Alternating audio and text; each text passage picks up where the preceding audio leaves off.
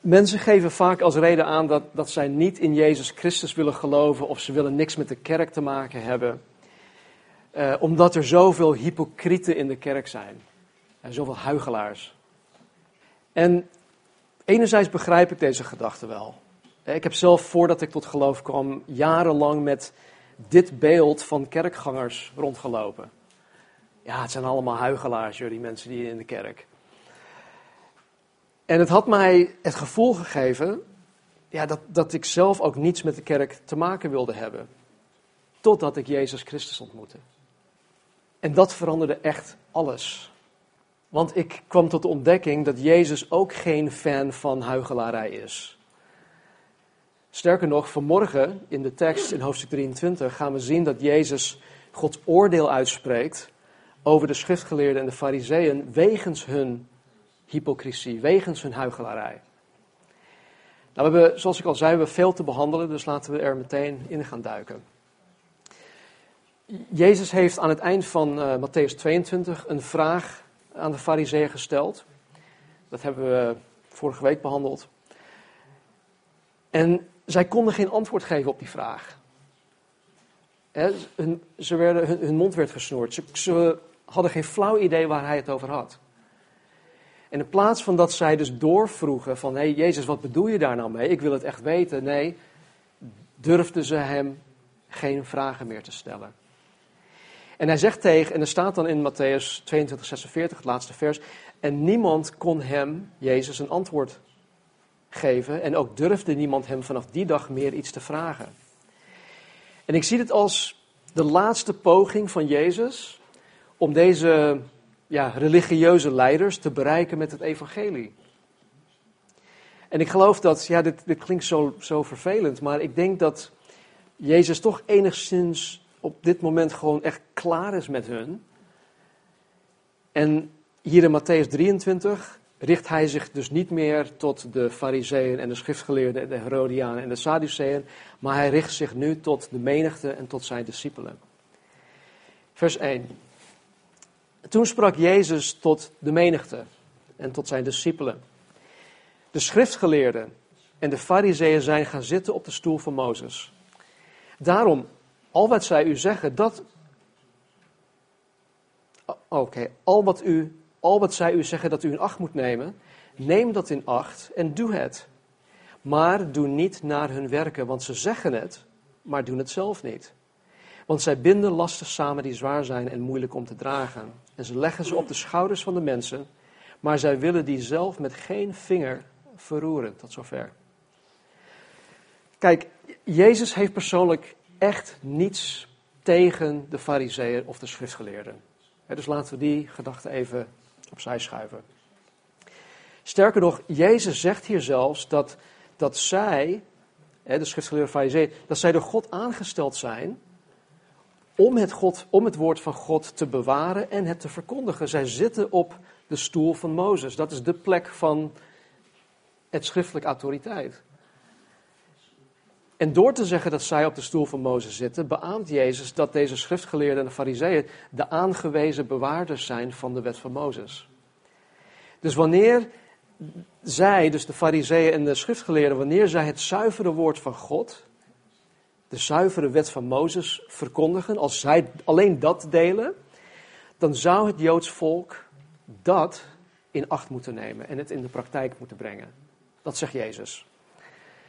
Maar waar Jezus de mensen hier voor waarschuwt, is dat de schriftgeleerden en de fariseeën niet naleven wat zij zelf verkondigen. En dat is huichelarij.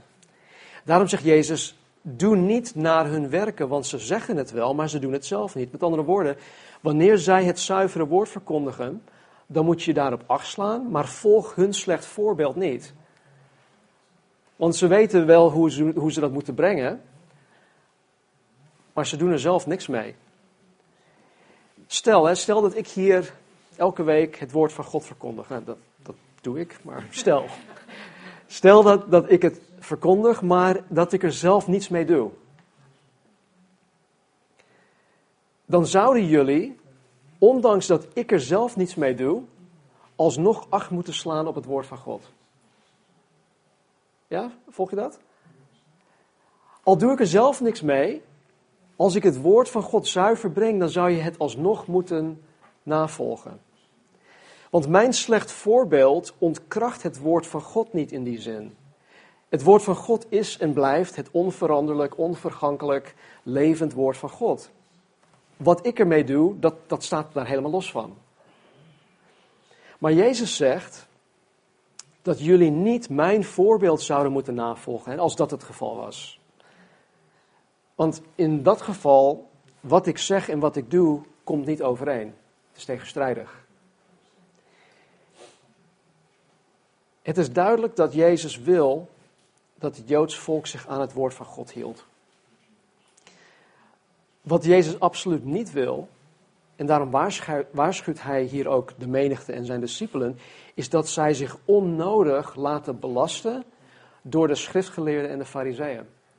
Want in vers 4 staat er, zij binden lasten samen die zwaar zijn en moeilijk om te dragen. En ze leggen ze op de schouders van de mensen, maar, ze zelf, maar, zij, willen, maar zij willen die zelf met geen vinger verroeren. Er zijn ongeveer 613 geboden en verboden in de wet van Mozes. Er is geen exacte lijst, maar er zijn 613.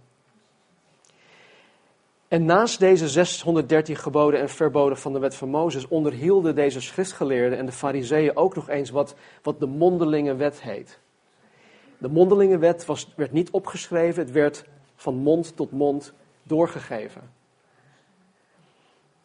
Uiteindelijk werd het wel vastgelegd. Dat is uiteindelijk de Mishnah geworden. Maar nadat deze mondelinge wet dus vastgelegd werd, als de Mishnah, bestond de Mishnah, of bestaat de Mishnah uit 63, uh, laten we het even commentaren noemen, op de wet van Mozes. Dus 613 geboden en verboden, en dan nog, een, dan nog eens 63 commentaren op die geboden en verboden. Nou, één zo'n commentaar op de wet van de Sabbat. De Sabbat was eigenlijk zo eenvoudig door God ingesteld. Waar het uiteindelijk op neerkomt is dit. Doe geen werk op de Sabbat. Jullie werken keihard, 12 uur per dag, 6 dagen in de week. Dat is 72 uur vergeleken met ons 40-urige werkweek. Jullie werken keihard, op de Sabbat moet je rust nemen. Vrij, vrij eenvoudig lijkt mij. Maar zij, zij besteden daar 24 hoofdstukken aan. Met, met allerlei absurde wetten en regels over de Sabbat die een gigantische ondraagbare last op de mensen plaatste. Dus in plaats van dat de Sabbat een rustdag was waar, waar ze, waarvan ze konden genieten, droegen zij een gigantische last met zich mee, want oh nee, ik moet hierop letten en daarop letten. Nou, deze foute wettische praktijken waren voor Jezus reden genoeg om de schriftgeleerden en de fariseeën af te wijzen. Maar wat het nog erger maakte, was dat zij al deze dingen bij de mensen oplegden, maar er zelf dus niets mee deden. Lekker makkelijk. Ze stelden hoge eisen aan de mensen, maar zelf hielden zij zich niet aan die eisen. Petrus beaamt dat ook. Aantal jaar verderop, of later, in Handelingen 15, komen ze samen in Jeruzalem nadat de heidenen tot geloof waren gekomen. En dan zijn ze, in, in, zijn, zijn ze aan het overleggen over wat de heidenen nou wel en niet moeten doen. En dit zegt Petrus, wel nu dan. Waarom verzoekt u God door een juk op de hals van de discipelen te leggen, dat onze vaderen en ook wij niet hebben kunnen dragen? De last, 24 hoofdstukken alleen al, de Sabbat. Waarom willen jullie dat op de kerk leggen? Niemand kon dat dragen, wij ook niet, dus waarom zouden zij dat kunnen? En het was juist om deze reden dat Jezus in Matthäus 11, vers 28 tot 30 dit zei. Kom naar mij toe, zegt Jezus, kom naar mij toe. Allen die vermoeid en belast zijn. En ik zal u rust geven. Neem mijn juk op u en leer van mij dat ik zachtmoedig ben en nederig van hart. en u zult rust vinden voor uw ziel. Want mijn juk is zacht en mijn last is licht.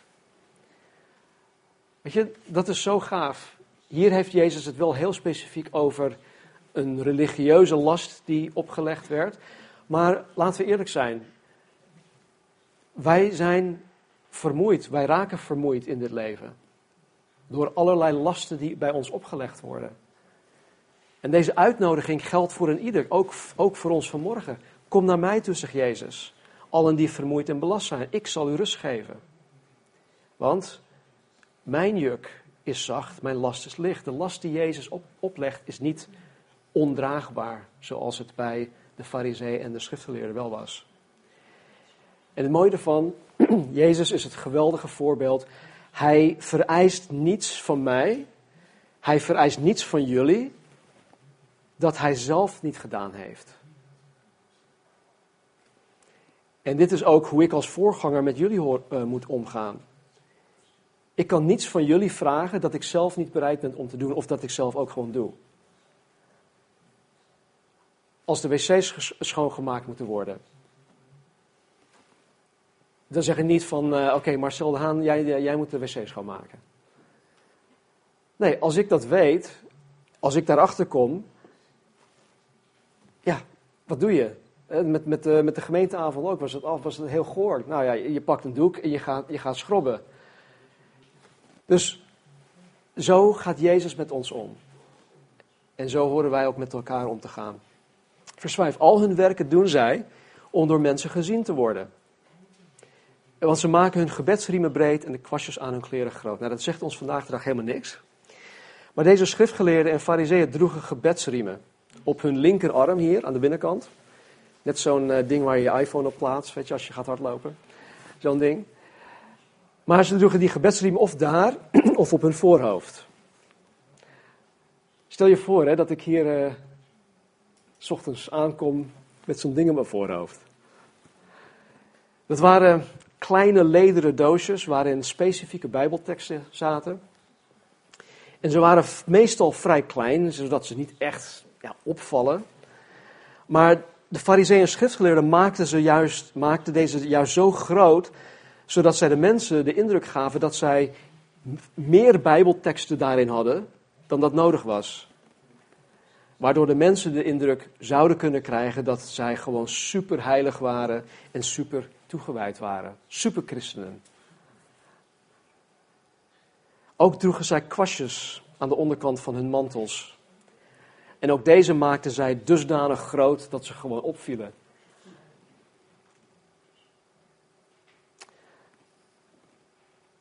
Weet je, ook wij hebben het in ons om dingen, tussen aanhalingstekens, voor God te doen, om door mensen gezien te worden. Het zit er gewoon in. Dat is onze natuur. Het is ons aard. Dus deze waarschuwing is, is ook voor ons.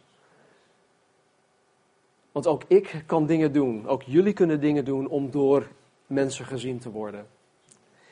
Ze zijn zeer gesteld op ereplaatsen tijdens de maaltijden en op de voorste plaatsen in de synagogen. Ze zijn ook belust op de begroetingen op de markten en om door mensen rabbi rabbi genoemd te worden. Nogmaals, ze wilden gezien worden. Ze waren in een hele moderne term. Um, Oeh, ik kom even niet op. Als zij, als zij vandaag de dag hier, uh, hier leefden, dan zouden ze op Facebook allerlei selfies plaatsen. Kijk naar mij, kijk naar mij.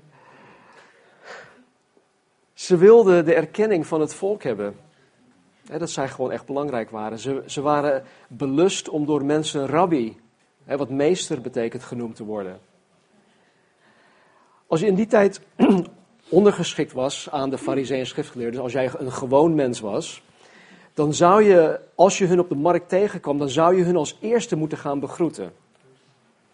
Het was dus niet zo dat als, als ik hen op de markt tegen zou komen, dat zij naar mij toe zouden komen en zeggen van, hé hey Stan, hoe gaat het met je? Nee, ik zou het eh, initiatief moeten nemen om hun te begroeten en dan met, oh rabbi of meester, oeh. oeh. En daar belusten zij zich op.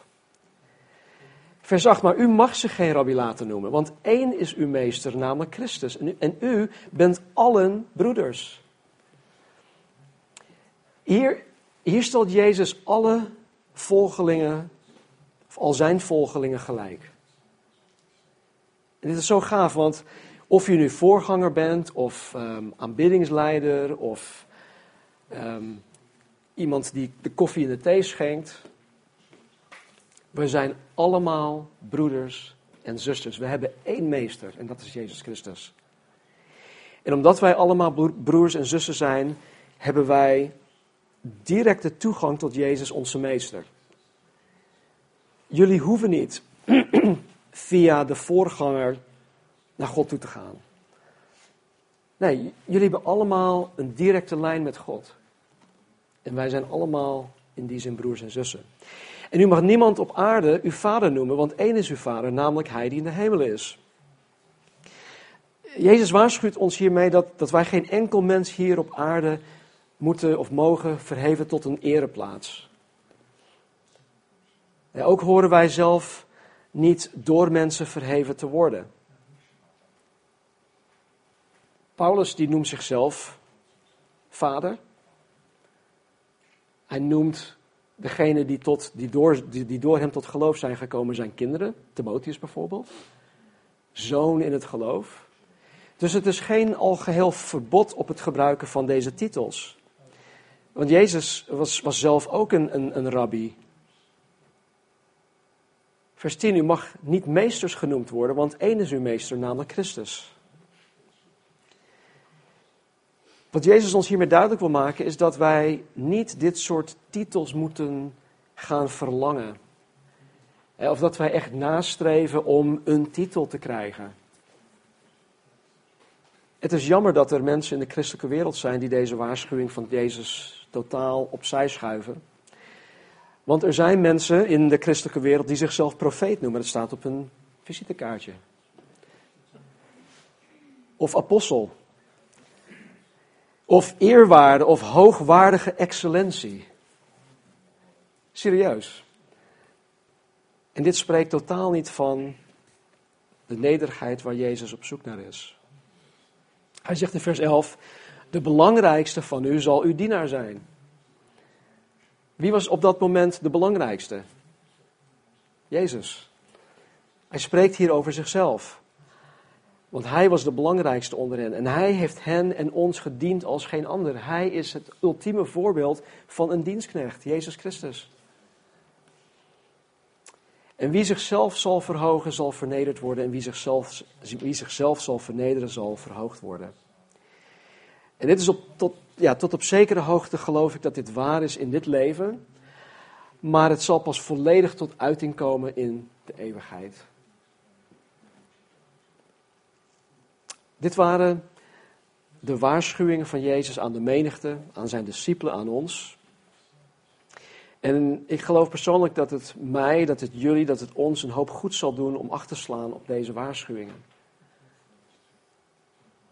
Nou, vanaf vers 13 keert Jezus zich tot de schriftgeleerden en de fariseeën. En vanaf dit gedeelte tot het einde van het hoofdstuk spreekt Jezus acht weeën uit over de fariseeën en de schriftgeleerden.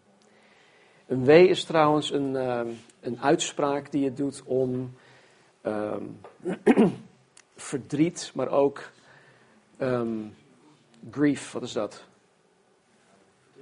Verdriet, rouw uit te spreken over iemand.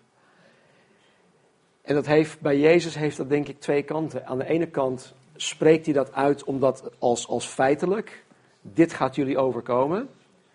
En anderzijds is het ook weer iets vanuit Jezus zelf van, dit vind ik zo triest. Ik zou dit niemand willen toewensen. Vers 13, hij zegt, wee u schriftgeleerden en fariseeën, huigelaars.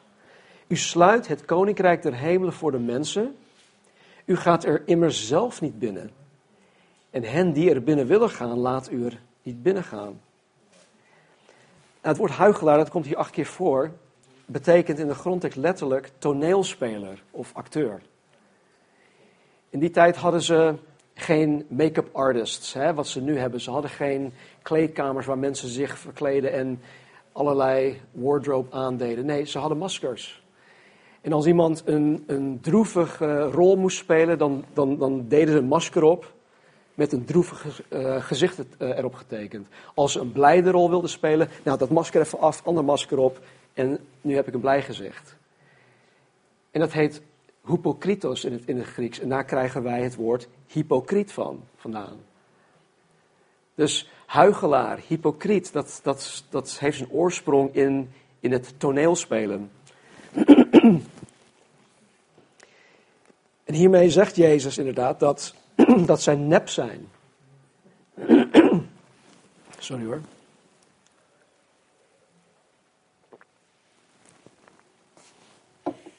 Zij, zij doen zich anders voor dan dat ze daadwerkelijk zijn. En daardoor weerhouden zij mensen om tot geloof te komen. Ja, doordat zij hun overbodige wetjes en regeltjes bij de mensen opleggen. En zij beweren dat tenzij de mensen voldoen aan al hun wetjes en regeltjes, zij het koninkrijk van God niet binnen kunnen komen. Dus er zat een gigantische last op de mensen. Wat is het vandaag de dag zo makkelijk om tot geloof te komen? Het, het kost ons niks om tot geloof te komen, maar eenmaal tot geloof gekomen kost het ons alles.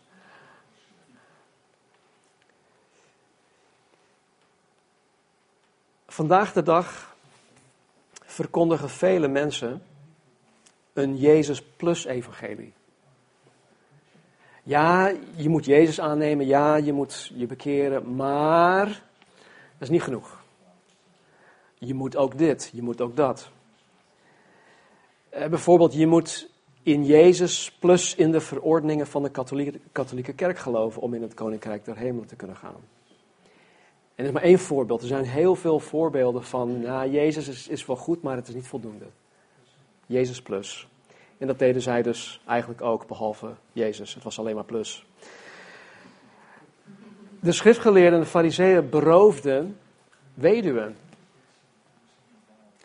Die hun, die hun financiële zaken aan hun had toevertrouwd. En door dat te doen raakten zij hun, hun hele hebben en houden gewoon kwijt. Waaronder ook hun huizen. Want er staat, wee u schriftgeleerden en fariseeën, huigelaars, want u eet de huizen van de weduwen op. En voor de schijn bidt u lang. Daarom zult u een des te zwaarder oordeel ontvangen. Ik weet niet of je er ooit bij stil hebt gestaan. Maar Jezus zegt hier dat zij een zwaarder oordeel zullen ontvangen. Zwaarder dan wie? Als ik dit lees, en hoe ik het begrijp, geeft dit aan dat er voor degenen die in de hel terechtkomen, er gradaties van straf zal zijn. Jezus zegt tegen hun dat zij een zwaarder oordeel zullen krijgen, een zwaarder straf. Begrijp me niet verkeerd, hè? Niemand, maar dan ook niemand zal het fijn vinden in de hel. Ik heb wel eens nagedacht over hoe verschrikkelijk het daar zou moeten gaan zijn. En van de week hadden Marnie, en ik het er nog over dat je moet je voorstellen het allerergste, het allerslechtste in de mensheid. Dat je daar dus, en dit is maar één beeld hè, wat ik nu schets, dat je daar gewoon 24/7 voor eeuwig mee te maken zal krijgen. Ik hoor jullie vaak roepen: Oh, ik kan echt niet wachten tot de zondagsdienst. Dan ben ik heerlijk onder mijn broers en zussen. Ik heb de hele week ja, in de wereld moeten gaan zwoegen. Met een hoop gevloek om me heen en getier en geklaag en dit en dat. Wij hebben dit. Niemand zal het fijn vinden in de hel. Maar voor de een zal het zwaarder worden dan voor de ander. Vers 15. Wee u schriftgeleerden en fariseeën, huigelaars, want u reist zee en land af om één proseliet te maken. En als hij het geworden is, maakt u hem een kind van de hel, dubbel zo erg als u. Weet je, ze waren ijverig. Hè? Ze gingen erop uit om om ehm, niet-Joodse mensen tot bekering te brengen tot het Jodendom. Ze evangeliseerden als het ware. Ze gingen op zending. En het, de bekering tot Jodendom was, was mogelijk zolang de bekeerling zich strikt aan de voorwaarden hield. Dat gebeurt vandaag de dag nog steeds. Niet Joden die tot het Jodendom bekeren. En vaak was het zo dat omdat deze bekeerlingen er zoveel voor moesten doen, dat zij zelf radicaler werden dan hun mentors. Kijk, als ik als Jood geboren ben, ja, nou, dan ben ik Jood. Ik hoef er verder niks voor te doen om Jood te worden. Maar degene die dan Jood moeten worden, die, ja, die moeten er zoveel voor over hebben, zoveel voor doen. En Jezus zegt hier dat zij dus radicaler worden dan hun mentors. En dit zie je vandaag de dag eigenlijk ook. Met bijvoorbeeld ISIS. De radicalisering van die jonge gasten, dat is vaak veel groter dan degene die al in noem wat, Syrië of Irak zijn. Ik hoorde toen dat hele ISIS-gebeuren begon dat Al-Qaeda zelfs afstand wilde nemen, want ISIS was veel te radicaal voor hen. Wee u blinde leiders die zegt, heeft iemand gezworen bij de tempel, dan betekent dat niets. Maar heeft iemand gezworen bij het goud van de tempel, dan is hij aan die eed gebonden. Dwazen en blinden, want wat is meer, het goud of de tempel die het goud heiligt? En heeft iemand gezworen bij het altaar, dan betekent dat niets. Maar heeft iemand gezworen bij de gave die daarop ligt, dan is hij aan die eed gebonden. Dwazen en blinden, wat, wat is meer? De gave of het altaar die de gave, die de gave heiligt? Wie daarom zweert bij het altaar, die zweert daarbij en bij alles wat daarop ligt. En wie zweert bij de tempel, die zweert daarbij en bij hem die daarin woont. En wie zweert bij de tempel, die zweert bij de troon van God en bij hem die daarop zit. Ik vind het zo sluw wat, wat deze fariseeën hebben gedaan. Ze hebben op een, ja, een hele smerige, eigenlijk sluwe wijze een manier gevonden om eden af te kunnen leggen zonder dat zij het menen. In het Engels of in Amerika als je als klein kind, ehm, dan stel je als ouder zijnde vraag aan een kind: heb jij dat gedaan, ja of nee? Ja, nee natuurlijk. Maar je had altijd, als een kind, had je een soort van uitweg, hè? Dit. Nee, papa, ik heb het niet gedaan. Nee, ik heb het echt niet gedaan. Ja, jij kent dat. Mijn dochter.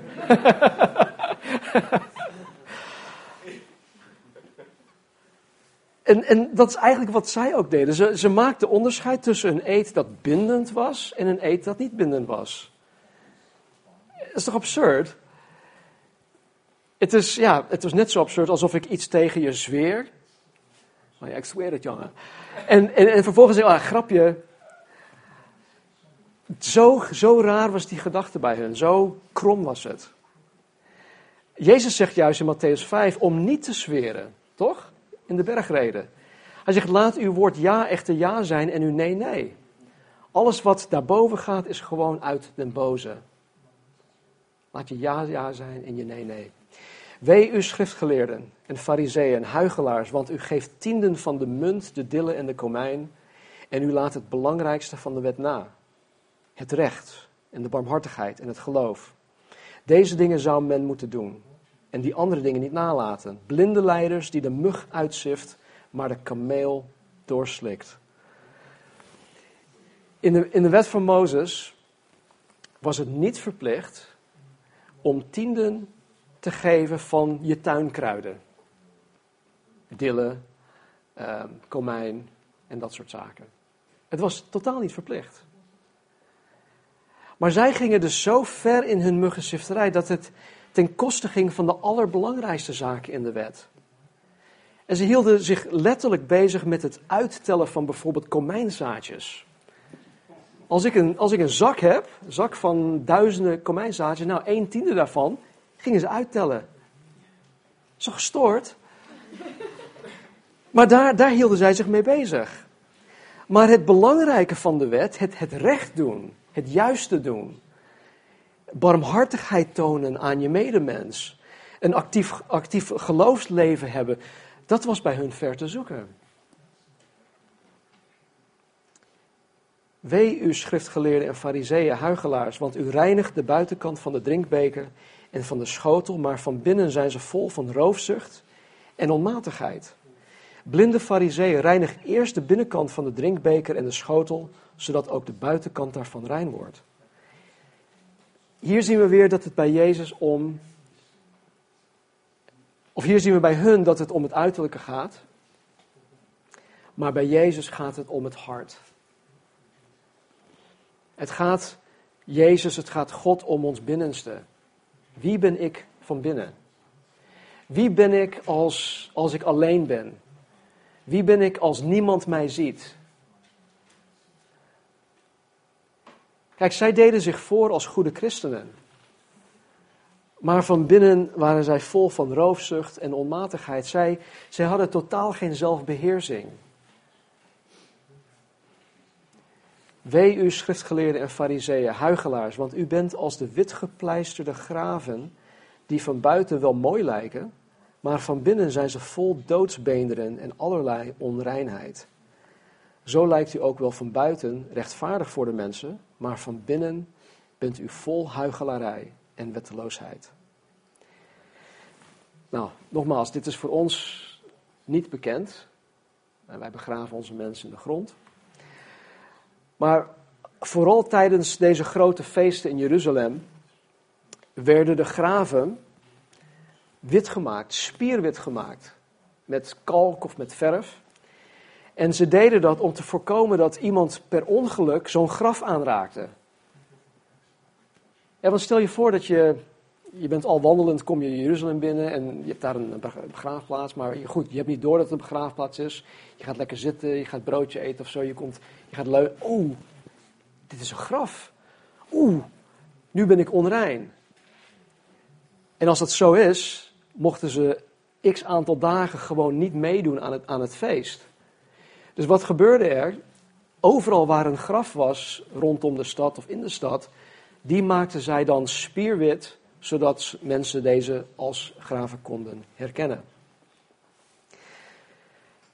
En Jezus gebruikt dit beeld dan om aan te geven dat zij aan de buitenkant er prachtig uitzagen.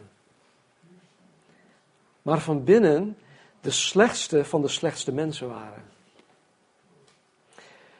Wee u schriftgeleerden en fariseeën, huigelaars, want u bouwt de graven voor de profeten en versiert de grafmonumenten van de rechtvaardigen. En u zegt, als wij in de tijd van onze vaderen hadden geleefd, hadden wij niet met hen meegewerkt om het bloed van de profeten te vergieten. Al dus getuigt u tegen uzelf dat u kinderen bent van hen die de profeet gedood hebben. Maar maakt ook u dan de maat van uw vaderen vol. De schriftgeleerde fariseeën eerden de profeten die door hun voorouders vermoord werden. Als je de Hebreeënbrief leest in, uh, in hoofdstuk 11, dan zie je dat heel veel mensen uit het, uit het Oud Testament, profeten, mensen die echt een actief geloofsleven hadden, die werden vermoord. Volgens de buitenbijbelse traditie is Jesaja bijvoorbeeld in tweeën gezaagd of doormidden gezaagd. En dat is allemaal door de zogenaamde religieuze leiders van Israël gedaan. Koningen en dat soort mensen. Dus zij, zij in, in de tijd van Jezus eerden zij de profeten die dus door hun voorouders vermoord werden. En ze zeiden van, ja, wij hebben daar nooit aan meegedaan, dat zou ik ook nooit doen. Het is een beetje zoals wij nu vandaag de dag zeggen, oh, als ik Petrus was, had ik Jezus nooit verlogend.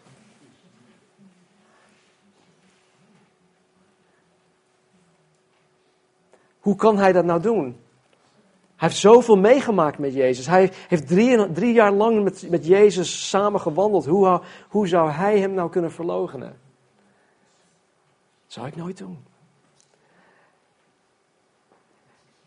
En deze fariseeën en schriftgeleerden eerden de profeten die door hun voorouders vermoord waren. Ze deden dit door mooie graven te gaan bouwen, deze te versieren, door monumenten voor hen te maken.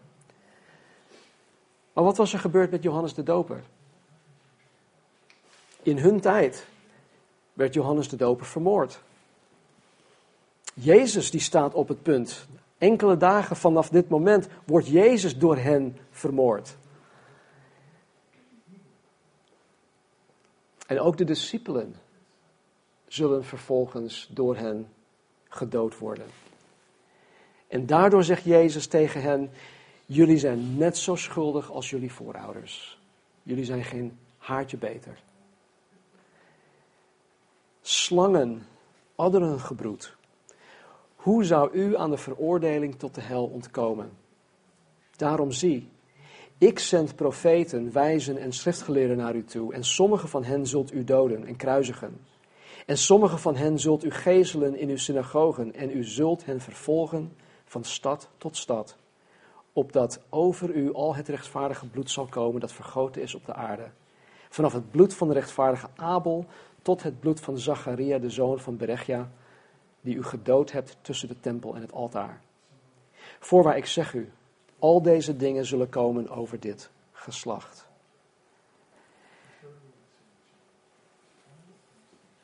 Slangen, andere gebroed, dat is geen compliment. Door hun slangen en andere gebroed te noemen, zegt Jezus dat zij kinderen van de duivel zijn. Kinderen van de duivel. Wat, hier, wat Jezus hier ook zegt, sommige van hen, dus de, de discipelen die hij vervolgens zal sturen, zullen jullie doden en kruisigen. Alle apostelen zijn gemarteld. Petrus ondersteboven gekruisigd. En u zult hen vervolgen van stad tot stad. Nog voor zijn bekering deed Saul met de christenen precies wat Jezus hier voorspelt. Hij ging van stad tot stad om christenen op te pakken, om hun in de gevangenis te gooien.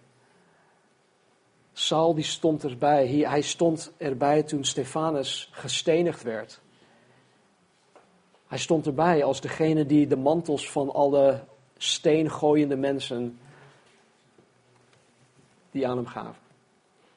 Hij stond er gewoon bij. Nou, nadat Jezus met deze harde woorden de weeën over hen uitsprak, zien wij in de laatste versen de liefde van Jezus voor deze schriftgeleerden en de fariseeën. Vers 37. Jeruzalem, Jeruzalem. U die de profeten doodt en stenigt, wie naar u toegezonden zijn.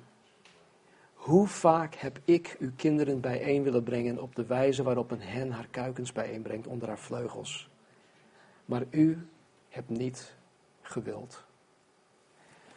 Volgens het evangelie van Johannes is Jezus tot driemaal toe in Jeruzalem geweest om feesten te vieren.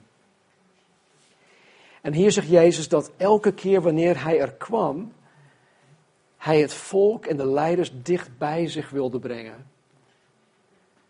Jezus wilde het Joods volk bij zich brengen, heel dichtbij. Hij wilde de leiders bij zich brengen. En hij wilde dat om hun te dienen. Hij wilde dat om hen te beschermen en te koesteren en te redden van de zonde, van de dood en uiteindelijk van de hel. En, en Jezus Christus wilde het met iedereen. In 2 Petrus 3:9 staat dat God absoluut niet wil dat er maar enigen zijn die verloren gaan.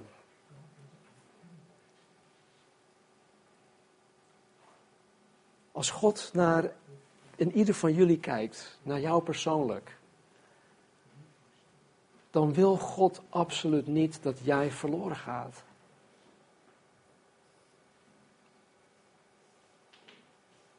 Staat ook in, in 2 Petrus 3:9. Hij wil dat allen tot bekering komen. In het parallelverhaal van Lucas staat er, toen Jezus dichtbij de stad Jeruzalem kwam en de stad Jeruzalem zag, weende hij over haar.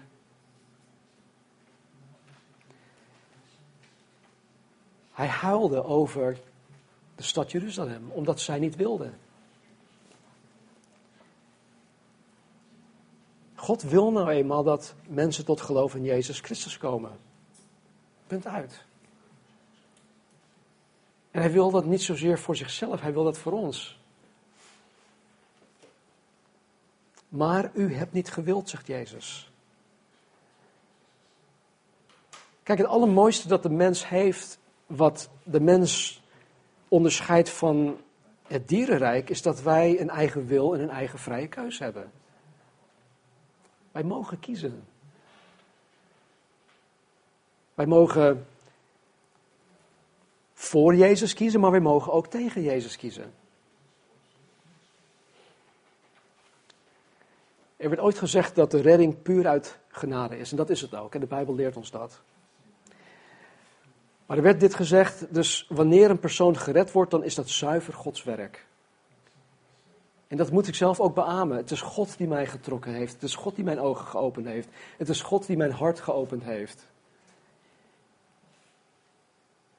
Het gevolg daarvan was dat ik zei: Oké. En dat is dan weer mijn keus, mijn rol daarin. Tegelijkertijd werd er gezegd: wanneer iemand verloren gaat, dan is dat zuiver omdat die persoon er zelf voor gekozen heeft gekozen heeft om Gods redding in Jezus Christus niet te willen aanvaarden. Zij hebben het niet gewild. Vers 38. Zie, uw huis wordt als een woestenij voor u achtergelaten. Jezus sprak hier van de verwoesting van Jeruzalem in 70 na Christus. Want ik zeg u, u zult mij van nu af aan niet meer zien, totdat u zegt, gezegend is hij die komt in de naam van de Heer. Wat een geweldig, geweldige uitspraak. U zult mij van nu af aan niet zien, totdat u zegt, gezegend is hij die komt in de naam van de Heer. Jezus belooft Israël dat er een moment zal komen dat de Joden in Jezus Christus gaan geloven. Dat iemand een Jood is, is nog geen vrijbrief of geen vrijkaart tot het koninkrijk der hemelen. Want elke Jood moet alsnog in Jezus Christus gaan geloven. Maar er zal een moment komen in de geschiedenis van, van Israël dat heel Israël als een volk, als een natie, zal inzien dat Jezus Christus hun Messias is. Gezegend is Hij die komt in de naam van de Heer. Jezus wil heel graag. Wij hoeven hem niet te overtuigen van, oh Heer, wilt u mij alstublieft redden? Het is aan ons. Zijn aanbod geldt nog steeds. En zolang je hier op aarde adem hebt, heb jij de kans en de gelegenheid om tot geloof te komen, om eeuwig leven te, er, te erven. Eeuwig leven hier op aarde, ook eeuwig leven in de eeuwigheid.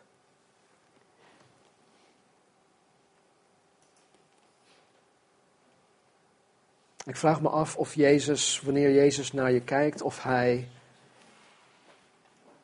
met blijdschap naar je kijkt. Van ja, die hoort bij mij.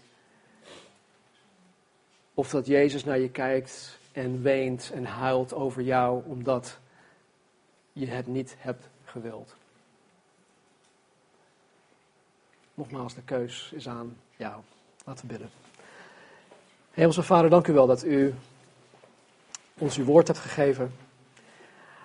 Dank u wel dat wij er ook vrij snel doorheen zijn gegaan in het hoofdstuk. En dank u wel, Heer, dat u mij hierdoor weer hebt bepaald. Heer, laat uw woord in een ieder van ons hart bezinken. Laat uw Heilige Geest, Heer, doorwerken in ons hart, in ons denken. Opdat uw woord gestalte zal krijgen in ons leven. Heer, mocht er iemand zijn die vanmorgen, zoals de fariseeën en schriftgeleerden, Heer, het niet willen. Verander hun daarin, Heer. Open zijn of haar ogen, open zijn of haar hart zodat wanneer Jezus naar hen kijkt, heren, niet hoeft te wenen omdat zij niet willen, maar dat Jezus naar hen kijkt en zegt: Yes, hij of zij is van mij. En ik zal je leven geven. Ik zal je een geweldig leven geven. Ik heb een plan voor jou. Ik heb een doel voor jouw leven hier op aarde.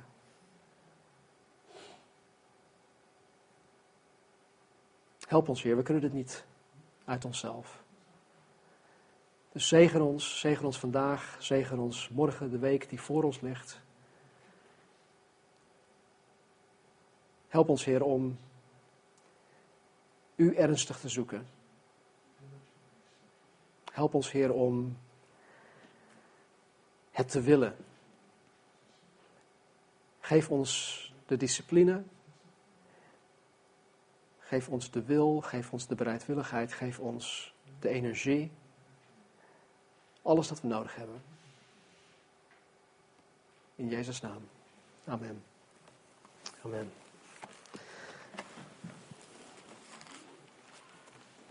Laten we gaan staan.